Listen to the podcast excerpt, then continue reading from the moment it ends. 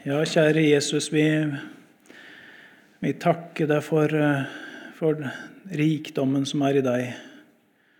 Takk for det at det står at du er full av nåde og sannhet.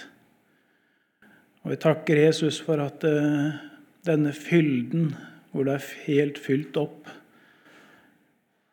av hva Gud vil ha Takk for at Hans nåde har vi alle fått. Og det er nåde over nåde. Og jeg takker Jesus for at i deg så er det, er det nok for hver eneste synder. Og så kan det ropes ut i Edoms land at kommer ut, bryt opp, kom over på en annen grunn. Og så er det sånn at du døde for alle, også for en fortapt edomitten. Men han må få lov å bli født på ny. Så ber vi Jesus at du får tale med hver og en av oss, så vi får se sant på disse tinga. Amen.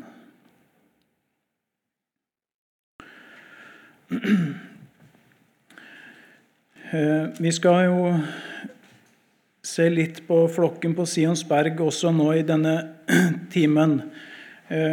Men vi har snakka mye om eh, det som er på Esausberg. Og det er da også sånn at det er 21 vers i, i dette lille skriftet, profeten Obadia. Og fram til vers 16 så handler det jo nettopp om hvor ille det går med dem som er edom. Så det er jo et kraftig rop. Og det er en kraftig beskrivelse av hvordan det er der. Og det er om å gjøre for oss å få klarhet i. Så vi skjønner det hvis vi er i Edom. Og jeg bare har um, tatt med tre skriftsteder her sånn, som beskriver litt hvordan det er for den som fortsatt bor på Edoms berg. Den som fortsatt um, er forbundet med det røde, dette eneste lille måltidet som en selger Guds store planer for. Vi kunne vel kanskje hatt satt rekkefølge omvendt her og begynt med første Mosbok, kanskje. Nederste skriftsted, første Mosbok 4-5. Men til Kain og hans offer så han ikke. Da ble Kain forbitret og stirret ned for seg. Det går en del der på Sions berg som ikke er enig med Gud og som egentlig har harme på Gud og forbitra og stirrer ned for seg.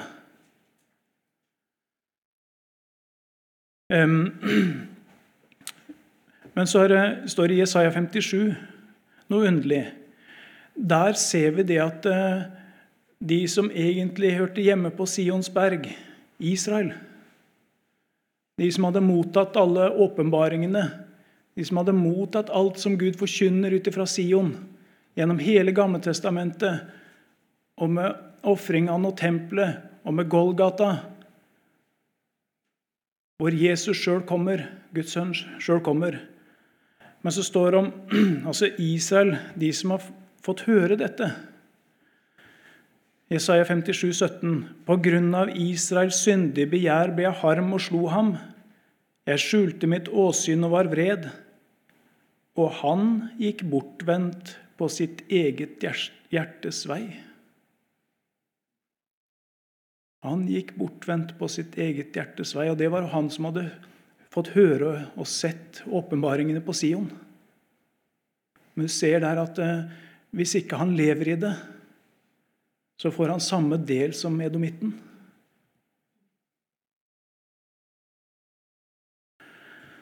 Og så Åpenbaringen 3,17 kan vi godt si der er vi en som er i ferd med, eller som har flytta fra Sionsberg over til Esausberg.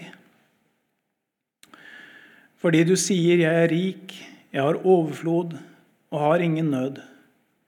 Og du vet ikke at du er ussel og ynkelig og fattig og blind og naken. Han er altså ikke klar over at han bor på Esausberg bor i det folket som skal utslettes til evig tid. Og så var det, som Lars har vært inne på før, er det ikke snakk om en utslettelse, et opphør i eksistens. Men det er snakk om en evighet borte fra Gud. Fortapelsen. Og hvor godt om man kunne bli klar over det og kunne få flytte før det var for seint. Ehm, jeg må hoppe over eh, noen ting her, sånn. men eh, hvis du leser igjennom eh, Obadia etter bibelkurset, så kan du godt legge merke til dette med topografien som blir beskrevet i landet der. Det er så mange ting som ligger så til rette. Og rikdom og ressurser, vismenn og klokskap, god forsvarsevne. Så mange ting de kunne sette sin lit til, osv. Men det, vi skal ikke stoppe ved det nå. Vi kan heller ikke stoppe mer ved denne dommen over Edom som blir beskrevet her. Ehm, men jeg skal ta med én noe av årsaken til dommen her. For det står i, i Obadia vers 10.: For ditt voldsverk mot Jakob, din bror, skal skam dekke deg. Du skal bli utryddet til evig tid. Og Der står et ord i 1. Korinterbrev 3,17. Dersom noen ødelegger Guds tempel, da skal Gud ødelegge ham. For Guds tempel er hellig, og det er dere. Så Her hører vi det at hver enkelt av Guds barn det er Guds tempel.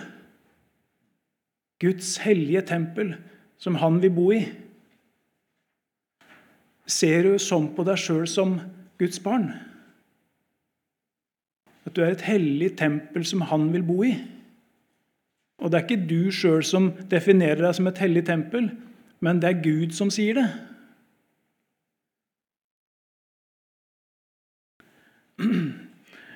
Den som ødelegger Guds tempel, og det var jo dette e-, evige fiendskapet fra Edom imot Guds folk her. Den som ødelegger Guds tempel, da skal Gud ødelegge ham. For Guds tempel er hellig, og det er dere. Så Derfor er det livsfarlig det å gå løs på Guds byggverk, gå løs på Guds tempel, Guds barn. Og det står også i Zakaria 8,2.: Så sier Herren herskarenes Gud, jeg er meget nidkjær for Sion. Ja, med stor harme er jeg nidkjær for henne. Og Der kommer vi nok inn på dette at eh, Gud er meget nidkjær for det han åpenbarer i Sion. Og Vi kan si det på kortest mulig måte.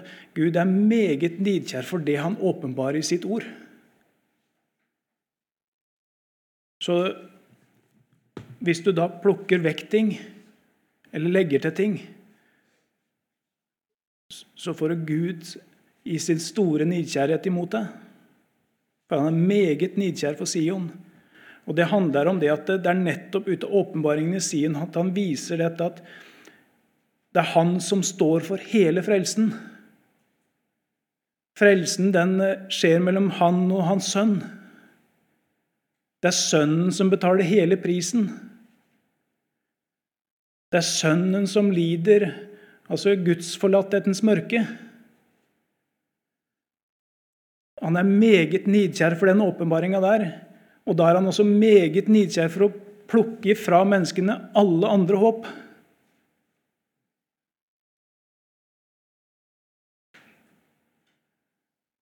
Og hvis vi gir mennesker noe annet håp enn dette, så får vi Gud mot oss.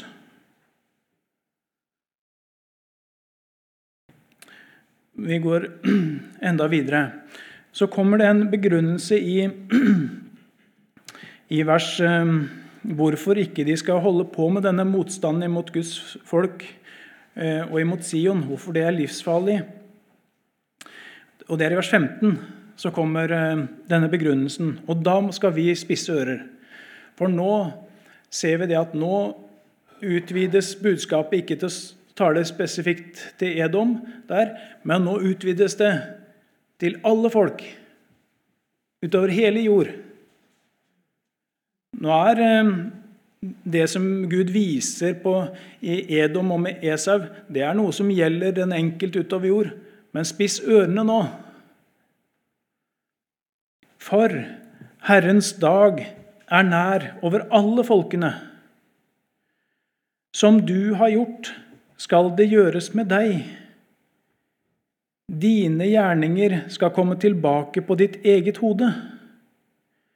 For like som dere har drukket på mitt hellige berg, skal alle folkene drikke uten opphold. Igjen alle folkene. Drikke uten opphold. De skal drikke i fulle drag og bli som om de aldri har vært til. Herrens dag er nær over alle folkene, og liksom dere har drukket Da er det snakk om Juda og Samaria. Og Da gjelder det at vi leser nøye i Gamletestamentet.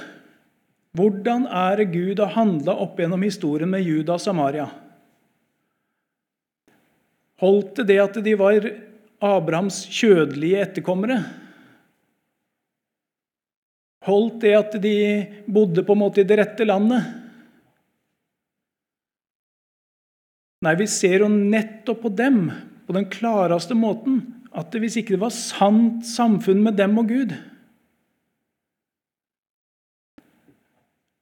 så viser Gud det ganske umiddelbart at dette er dødens vei. Dette går imot dommen. Om igjen og om igjen så ser vi det. Han åpenbarer på sitt eget folk, de som bor der. Og de har måttet opp igjennom drikke av hans vredesvin. Og det skjedde voldsomme ting. Og husk på det her hver gang du leser sånne forskjellige ting. Vi, vi um, hører om forskjellige ting som skjedde, og som Gud holder dom. Og så er det et enormt mannefall. Vi, vi, er så vant til å lese det at vi hever kanskje ikke på, på øyebrynene engang. Men så falt det 40 000. 40 000? Tenk når David hadde telt folket imot Guds vilje. Så er det tusenvis som dør. Um, og, og um, I forhold til folketallet som var der da, så må vi jo si at de var mye verre enn i, i de landene som koronaen ramma verst. de Guds dommer da? Enormt mannefall.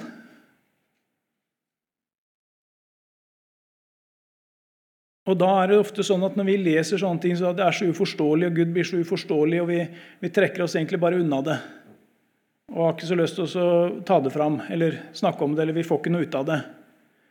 Jo, det er, Israel og Juda som drikker Herrens strenge vredesvin. Og det er så strengt, dommen er så hard at det overgår alt. Derfor skal vi legge nøye merke til det når det skjer opp gjennom historien. Men så det som vi ser på dem, like som dere har drukket på mitt hellige berg, sånn som Gud har vist opp gjennom historien, skal alle folkene drikke. Her kan altså alle folk rundt om i verden de kan stå og se. Hvis jeg står i feil forhold til Gud, så kommer det samme til å skje med meg som hver gang Israel og Juda måtte drikke Herrens strenge vredesvin. Da kommer det til å skje det samme med meg. For Gud har vist det på dem opp igjen, så alle folkene skal kunne stå og se. Det blir en gang vår lodd og del hvis ikke vi blir frelst. Og det står de skal drikke i fulle drag og bli som om de aldri har vært til. Og dette med drikke her sånn, Guds vredesvin, det er også noe med en rus her. Og det skal vi legge merke til at det mange ganger mennesker ikke er klar over at det har kommet inn under Guds dom. For det blir som i en rus. Det blir mindre og mindre bevisst. Men Gud overlater dem til sine egne lyster. Gud overlater dem til sin egen synd. Så syns de de blir friere og friere. Men de blir egentlig mer og mer bevisstløse.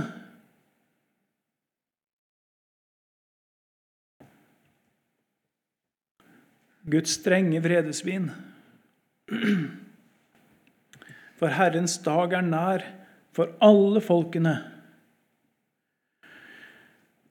Men på Sions berg skal det være en flokk som har sluppet unna.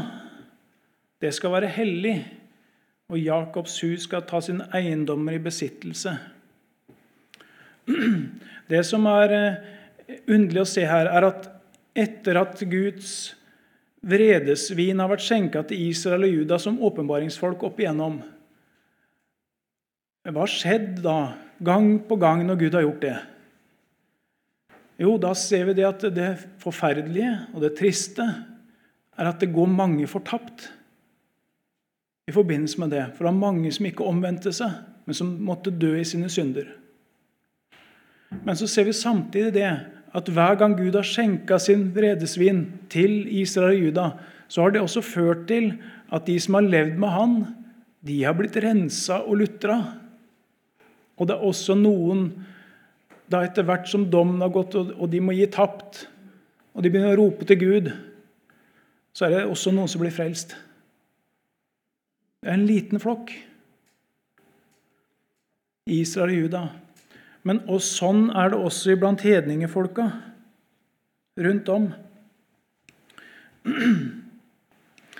Når Gud også viser i historien, når han holder dom over de antikristelige verdensmaktene rundt om, også, så blir det til lutring og rensing for de hans folk som bor rundt om. De som lever med Herren. Det blir til lutring og rensing, og det er et kall til omvendelse. Det tror jeg vi skal tenke på, for vi, vi lurer ofte lenge hvor lenge kan det gå før Herren må gripe inn overfor våre nordiske land som innfører sånne lover, og som, som spotter Gud sånn opp i ansiktet, åpent. Som slipper synda liksom helt åpent og fritt ut. På den måten. Ja, vi kan se mørke skyer og forskjellig. Ja, men husk på det, da. Hver gang Gud har, i historien har vist dette på verdensrikene, på verdensmakten osv., så, videre, så var det faktisk det som lutra og rensa hans folk. Som skilte det edle fra det uedle. Og som også blei kanskje til et kall for dem som var på, i ferd med å flytte over på Eshausberg. Tenk på det. Tenk om Gud f.eks. Hadde, latt, hadde latt Juda få lov å fortsette eh, på um, Obadias tid. Om han bare hadde latt dem fortsette med tempeltjenesten sin.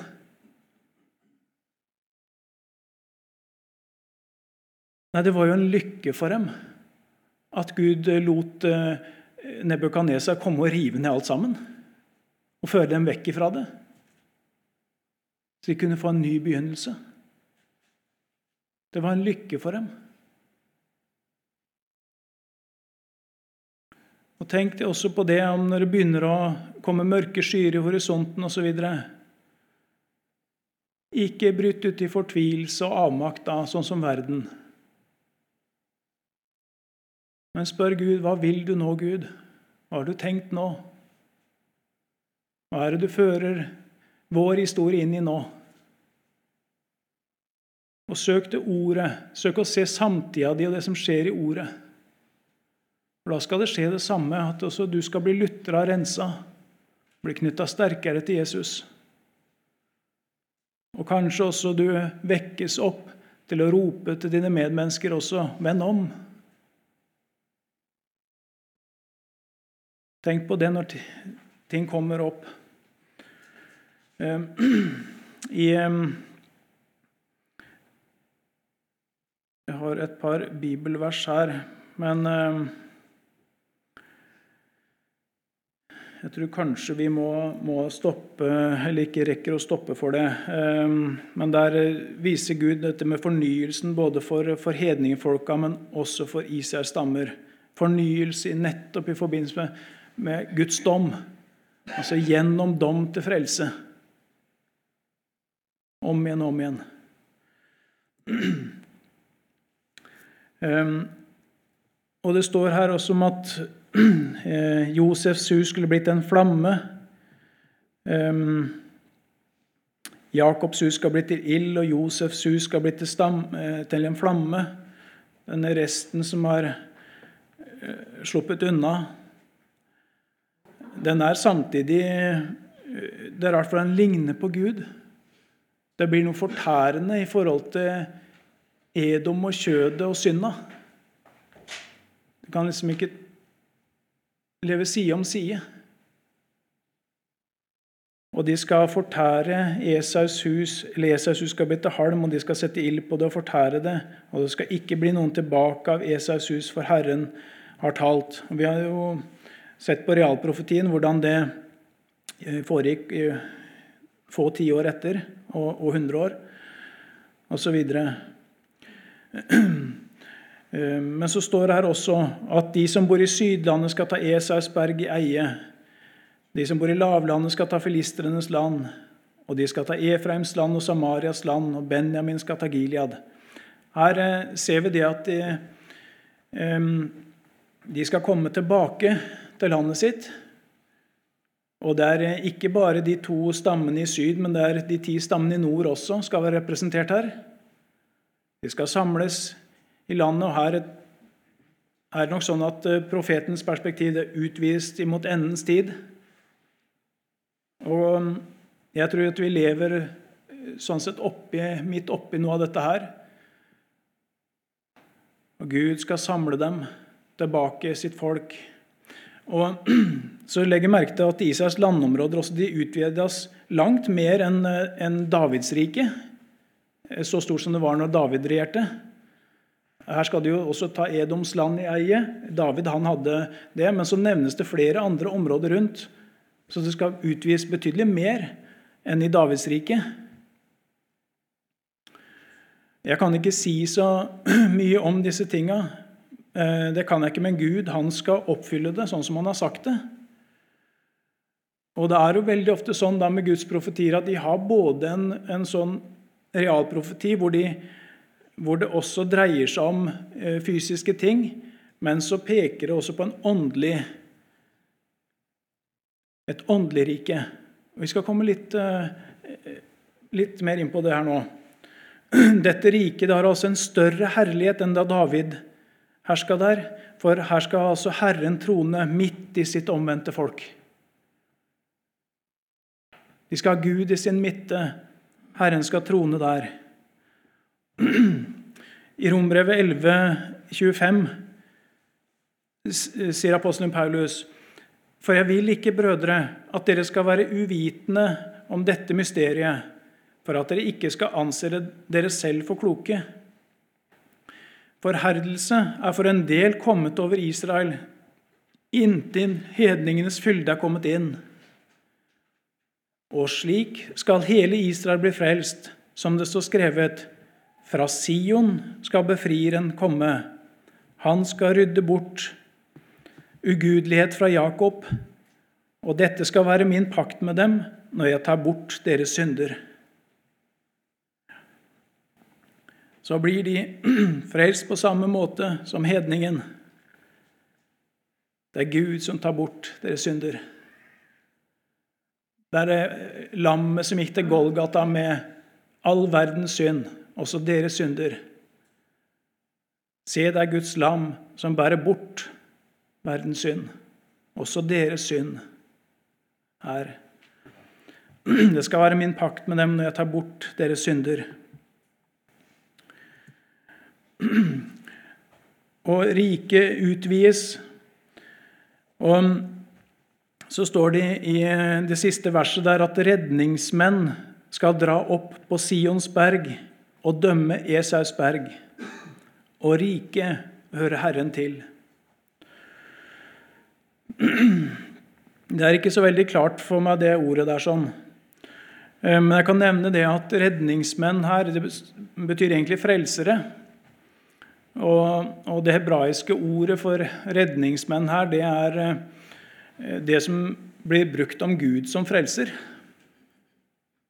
Mange ganger Mosia. Og dernest så brukes det om de dommerne som Gud satte inn for å frelse sitt folk i forskjellig slags nød. Da brukes eh, Mosiim, altså samme, samme ord her. Frels, redningsmenn, eller frelsere. Eh, og La du merke til at disse redningsmenn som det er snakk om her, de skal dra opp på Sions berg og dømme Esaus berg. Altså, De skal ikke bare dømme og skifte rett og forkynne og lære i Israel eller i, i Sion, men de skal også utover fiendens område. Dømme Esaus berg også. De skal utover, også i fiendens område.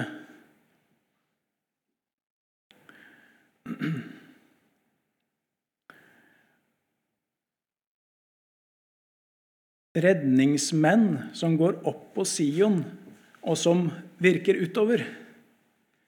Ja, først er det én redningsmann fra Sion som åpenbares i Sion som vi leste i stad.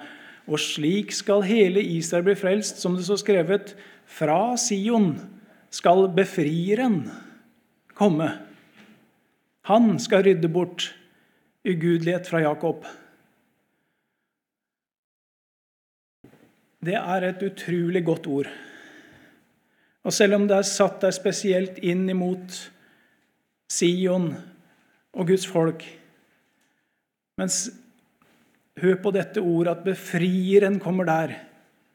Altså, du skal ikke befri deg sjøl. Det er en annen som gjør det. Det er en annen som rydder bort ugudeligheten. Og du hørte riktig. Den ugudeligheten som du kjenner på i, i edomitten, i kjødet, hver dag, det er en annen som skal rydde den bort. Ja, Så går du kanskje og venter på at han skal rydde den bort. Ja, men han gikk til Golgata, men.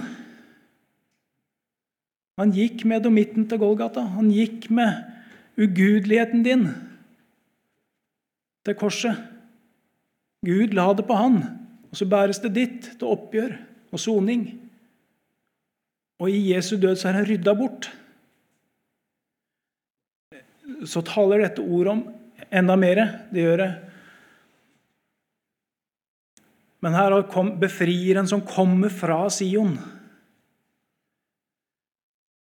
Som rydder bort ugudelighet fra Jakob. Det er på Guds måte han gjør det.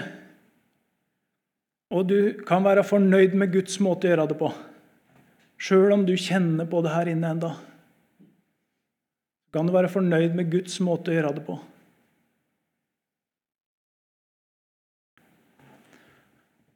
Og Sion skal bli forløst ved rett, og de omvendte der ved rettferdighet. Så bare, Vi snakka om redningsmenn, men aller først, altså, det er én redningsmann, én befrier, som kommer fra Sion.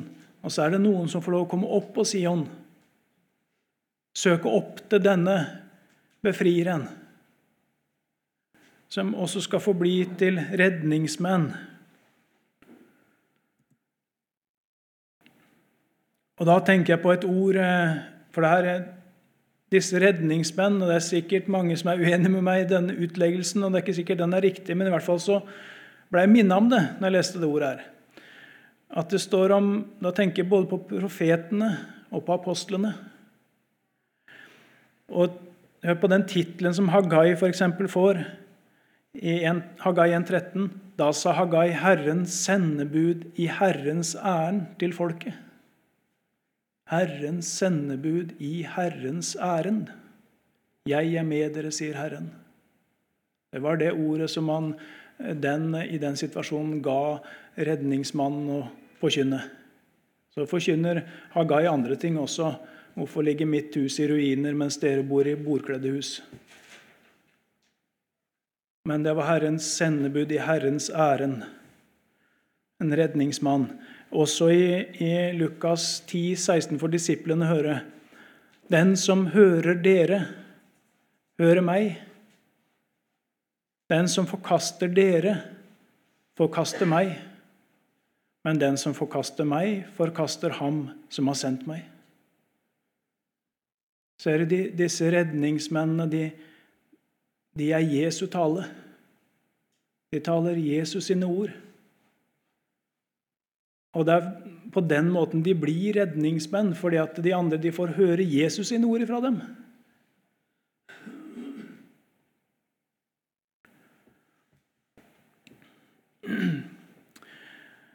Redningsmenn som drar opp på Sion, som virker utover ifra Sion, fra det Gud åpenbarer der.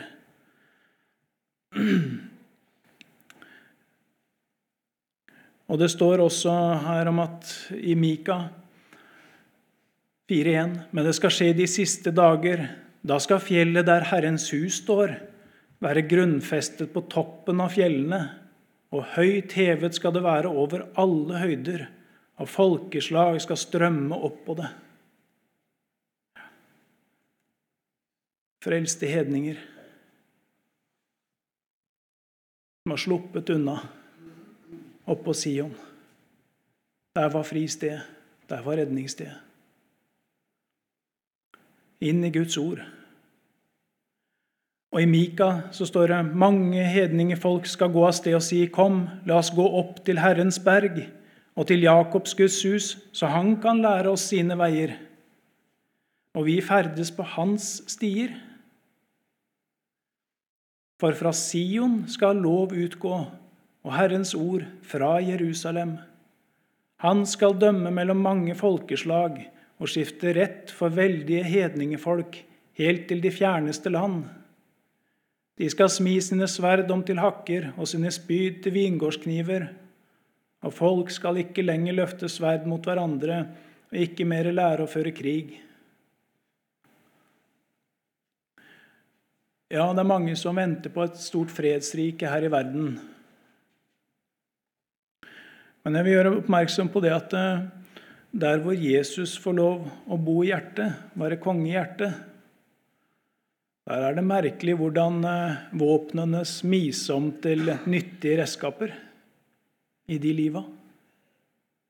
I stedet for å drive og ødelegge andre mennesker med de ressursene en har, så smis det om, og så brukes det til det gode, til det nytte og til menneskers frelse. Det er den skjulte fredskongens under, kan vi godt si.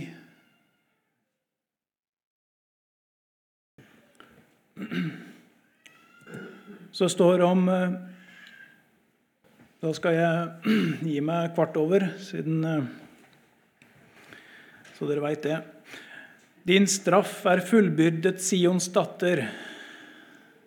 Hørte du det? Det står i Klagesangene 422. Det er eh, redningen på Sion. Din straff er fullbyrdet, Sions datter. Han vil ikke mer bortføre deg.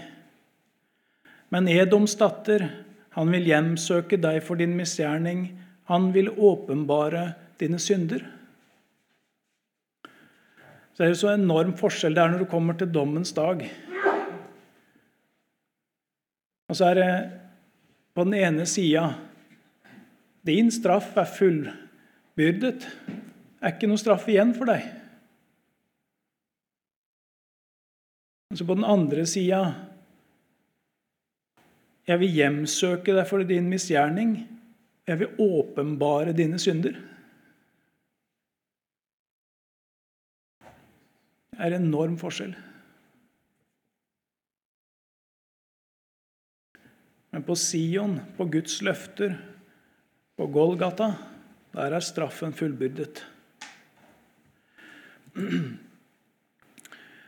Og Så skal jeg bruke de tre siste minuttene, og det hadde jeg hatt lyst til å ha mer tid til. Og jeg vil veldig gjerne at dere tygger litt på det for dere sjøl. Jeg syns det er så stort. det at Når vi ser eh, det geografiske Sion, eller Jerusalem, så ser vi at eh, Gud eh, har åpenbart seg der i historien. Men så er det geografiske Sion og, Jerusalem som Gud har åpenbart der i historien, det er, og det har virkelig skjedd. Og der åpenbarer Gud seg virkelig. På vår jord.